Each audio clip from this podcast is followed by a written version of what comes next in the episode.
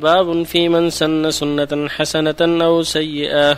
قال الله تعالى والذين يقولون ربنا هب لنا من أزواجنا وذرياتنا قرة أعين وجعلنا للمتقين إماما.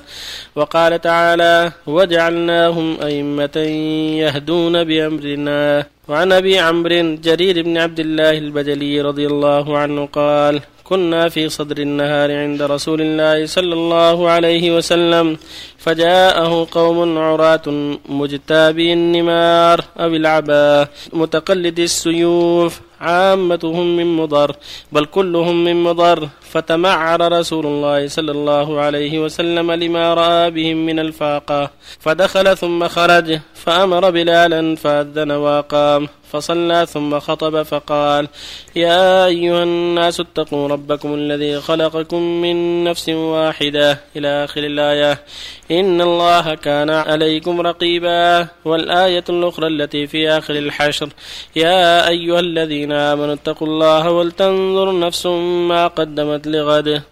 تصدق رجل من ديناره من درهمه من ثوبه من صاع بره من صاع تمره حتى قال ولو بشق تمره. فجاء رجل من الأنصار بصرة كادت كفه تعجز عنها بل قد عجزت ثم تتابع الناس حتى رأيت كومين من طعام وثياب حتى رأيت وجه رسول الله صلى الله عليه وسلم يتهلل كأنه مذهبة. فقال رسول الله صلى الله عليه وسلم من سن في الإسلام سنة حسنة فله أجرها وأجر من عمل بها من بعده من غير أن ينقص من أجورهم شيء. ومن سن في الإسلام سنة سيئة كانت عليه وزرها ووزر من عمل بها من بعده من غير أن ينقص من أوزارهم شيء. رواه مسلم. وعن أبي مسعود رضي الله عنه أن النبي صلى الله عليه وسلم قال ليس من نفس تقتل ظلما إلا كان على ابن آدم الأول كفل من دمها لأنه كان أول من سن القتل. متفق عليه. وبالله بسم الله الرحمن الرحيم. الحمد لله وصلى الله وسلم على رسول الله وعلى آله وأصحابه ومن اهتدى بهداه. أما بعد هذه الآيات الآيتان والحديثان فيها الحث على إحياء السنن والدعوة إليها والتحذير من البدع والمنكرات والدعوة إليها. وأن العبد إذا أحيا سنة ودعا إليها كان له من الأجر مثل أجور من تبعه. لا ينقص الله من أجورهم شيئا. ومن دعا إلى بدعة كان عليه من مثل آثام من تبعه. لا ينقص الله من آثامهم شيئا. الله جل وعلا قال في سبع عباد الرحمن واجعلنا للمتقين إماما. كل سيكون إماما في الخير في الدعوة إلى الخير في إحياء السنة في الدعوة إلى الجهاد إلى حلقات العلم. إلى إقامة صلاة الجماعة إلى بر الوالدين إلى غير هذا من وجوه الخير. يكون له مثل أجور من تبعه. قال جل وعلا وجعلنا من أئمة يهدون بأمرنا فالواجب على المؤمن أن يكون قدوة في الخير حذرا من القدوة في الشر يدعو الناس إلى الخير ويسارع إلى العمل به حتى يقتدى به قولا وعملا ويحذر الناس من الشر ويبتعد عنه. وهذا يحتاج إلى صبر ويقين وثبات كما قال تعالى وجعلنا منهم أئمة يهدون بأمرنا لما صبروا وكانوا بآياتنا يوقنون. فإذا رزق الله العبد الصبر على الطاعات والصبر عن المحارم مع اليقين مع العلم النافع. قاده هذا إلى الخير العظيم وقاده إلى فعل السنن والدعوة إليها وإلى ترك البدع والتحذير منها. في الحديث الصحيح أن النبي صلى الله عليه وسلم رأى قوما دخلوا المسجد وهم فقراء مجتاب النمار. قد ظهرت عليهم الفاقة والحاجة. فلما رأى ذلك عليه الصلاة والسلام وفرغ من الصلاة خطب الناس وذكرهم حتى هم على الصدقة. قد صدق رجل من درهمه من ديناره من ثوبه من صاع بره من ساء شعيره حتى قال ولو بشق تمرة. فجاء رجل من الأنصار بصرة من الفضة كاد كفه تعجز عنها بل قد عجزت ثم تتبع الناس في الصدقة. هذا يأتي بثوب هذا يأتي بتمر هذا يأتي برز هذا يأتي بر هذا يأتي بكذا. حتى رأى الراوي حتى رأى كومين من طعام وثياب. فلما رأى النبي ذلك وسارعتهم إلى الخير ومسارعتهم إلى الصدقة على هؤلاء الفقراء سر وجهه سر بذلك. وصار وجهه كان مذهبه من السرور واللمعان والفرح مسارعة الأخيار إلى الصدقة. ثم قال عليه الصلاة والسلام من سن في الإسلام سنة حسنة. يعني أحياها وأظهرها. كان له من الأجر مثل أجور من تبعه. لا ينقص من أجورهم شيئا. ومن سن في الإسلام سنة سيئة. يعني بدعة.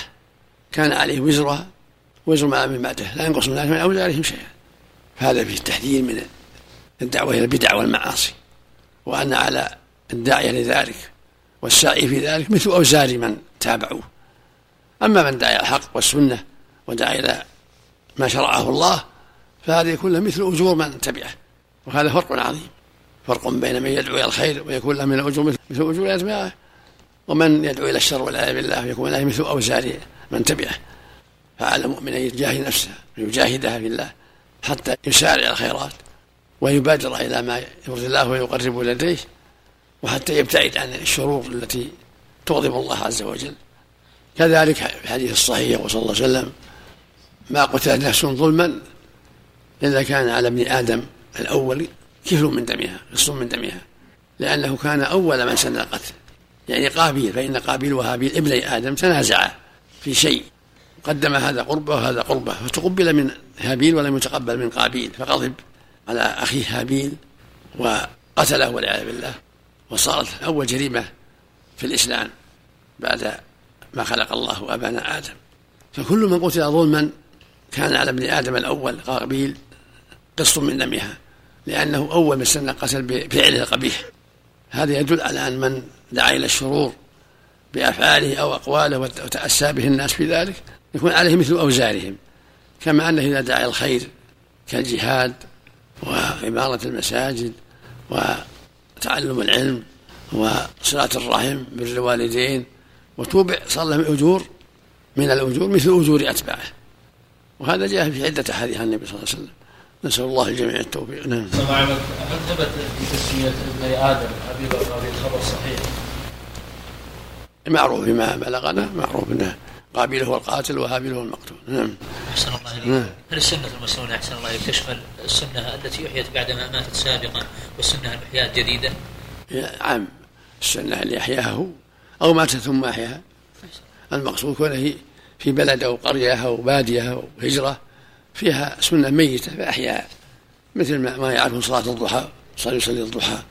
مثل ما يصلون بعد العصر صلى أربع ركعات قبل العصر.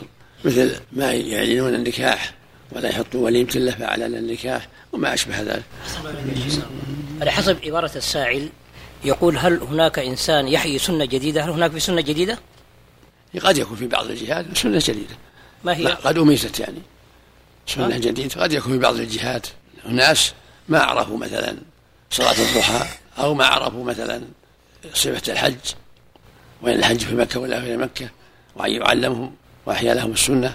ما عرفوا بر الوالدين ما عرفوا صلاة الرحم ما عرفوا الوتر وما أشبه ذلك. نعم. هل يسمى جديد لكن يا شيخ هذا إحياء هذا إحياء إحياء إحياء إحياء لأنه هو يقول سنة جديدة هذا معناه إحياءها إحياؤها. أي مو بدعة.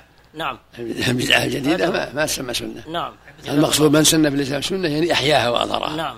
هذا. الله خيرا. ولا إذا ابتدعها تصير بدعة نعم لأنه قال جديدة لذلك حبينا أن نعم. تفصيلها لنا. الرسول صلى الله عليه وسلم. نعم. إذا كان المقتول قتله القاتل على خطأ هل القاتل يدخل في حكم؟ لا الخطأ معلش إنما عليه الدية والكفارة. الله جل وعلا بين. وما كان لمؤمن يقتل من الخطأ ومن قاتل من الخطأ فعليه تحريقة مؤمنة ودية السلامة إلى أهله. عليه الدية وعليه الكفارة. تعظيما لشأن القتل جعل فيه كفارة مع أنه خطأ. نعم. أحسن الله إليك. فأذن وأقام ثم صلى. يعني صلاة الفريضة. أي الظهر. معروف إنها الظهر. صلى عليه نعم. سيئة ويتبعونه ناس ويتوبوا. يتوبهم لا زالوا تابعينه هل عليه وزر؟ إن شاء الله إنه إذا اتى توبة صادقة ما عليه شيء. إلا اذا كان هم قريبين يستطيع يبلغهم. عليه يبلغهم حتى لا يقتلوه. أما إذا ما استطاع يبلغهم نرجو أن توبته تكفيهم الشرك أعظم من ذلك شاء الله لكن إذا كانوا يمكنهم عناوينهم أو قريب منه حتى يبلغهم اني أخطأت في هذا الشيء وقد رجعت عن خطأي حتى لا يتأسوا به. السبيل أحسن الله إليك نعم. المصاحف التي تجعل في بيوت الله عز وجل وماء السبيل هل يعتبر من السنن؟ نعم من حيث السنن ومن الصدقات. جزاك الله. صلى الله عليك إذا كان الشخص مسافر ورفض يسلم على الجماعة بحجه انه يجمع الجماعة واجبة والقصر سنة. يصلي مع الجماعة ويتم. هذا الواجب هذا الواجب. إلا إذا كانوا جماعة لهم لهم عذره ان احسن العمل كان يقول أنا مسافر إذا كان واحد يلزمه الجماعة. أحسن الله عمل هم الجماعة إذا كانوا جماعة ما في بأس إن شاءوا قصروا وإن شاءوا صلوا مع الناس وأتموا احسن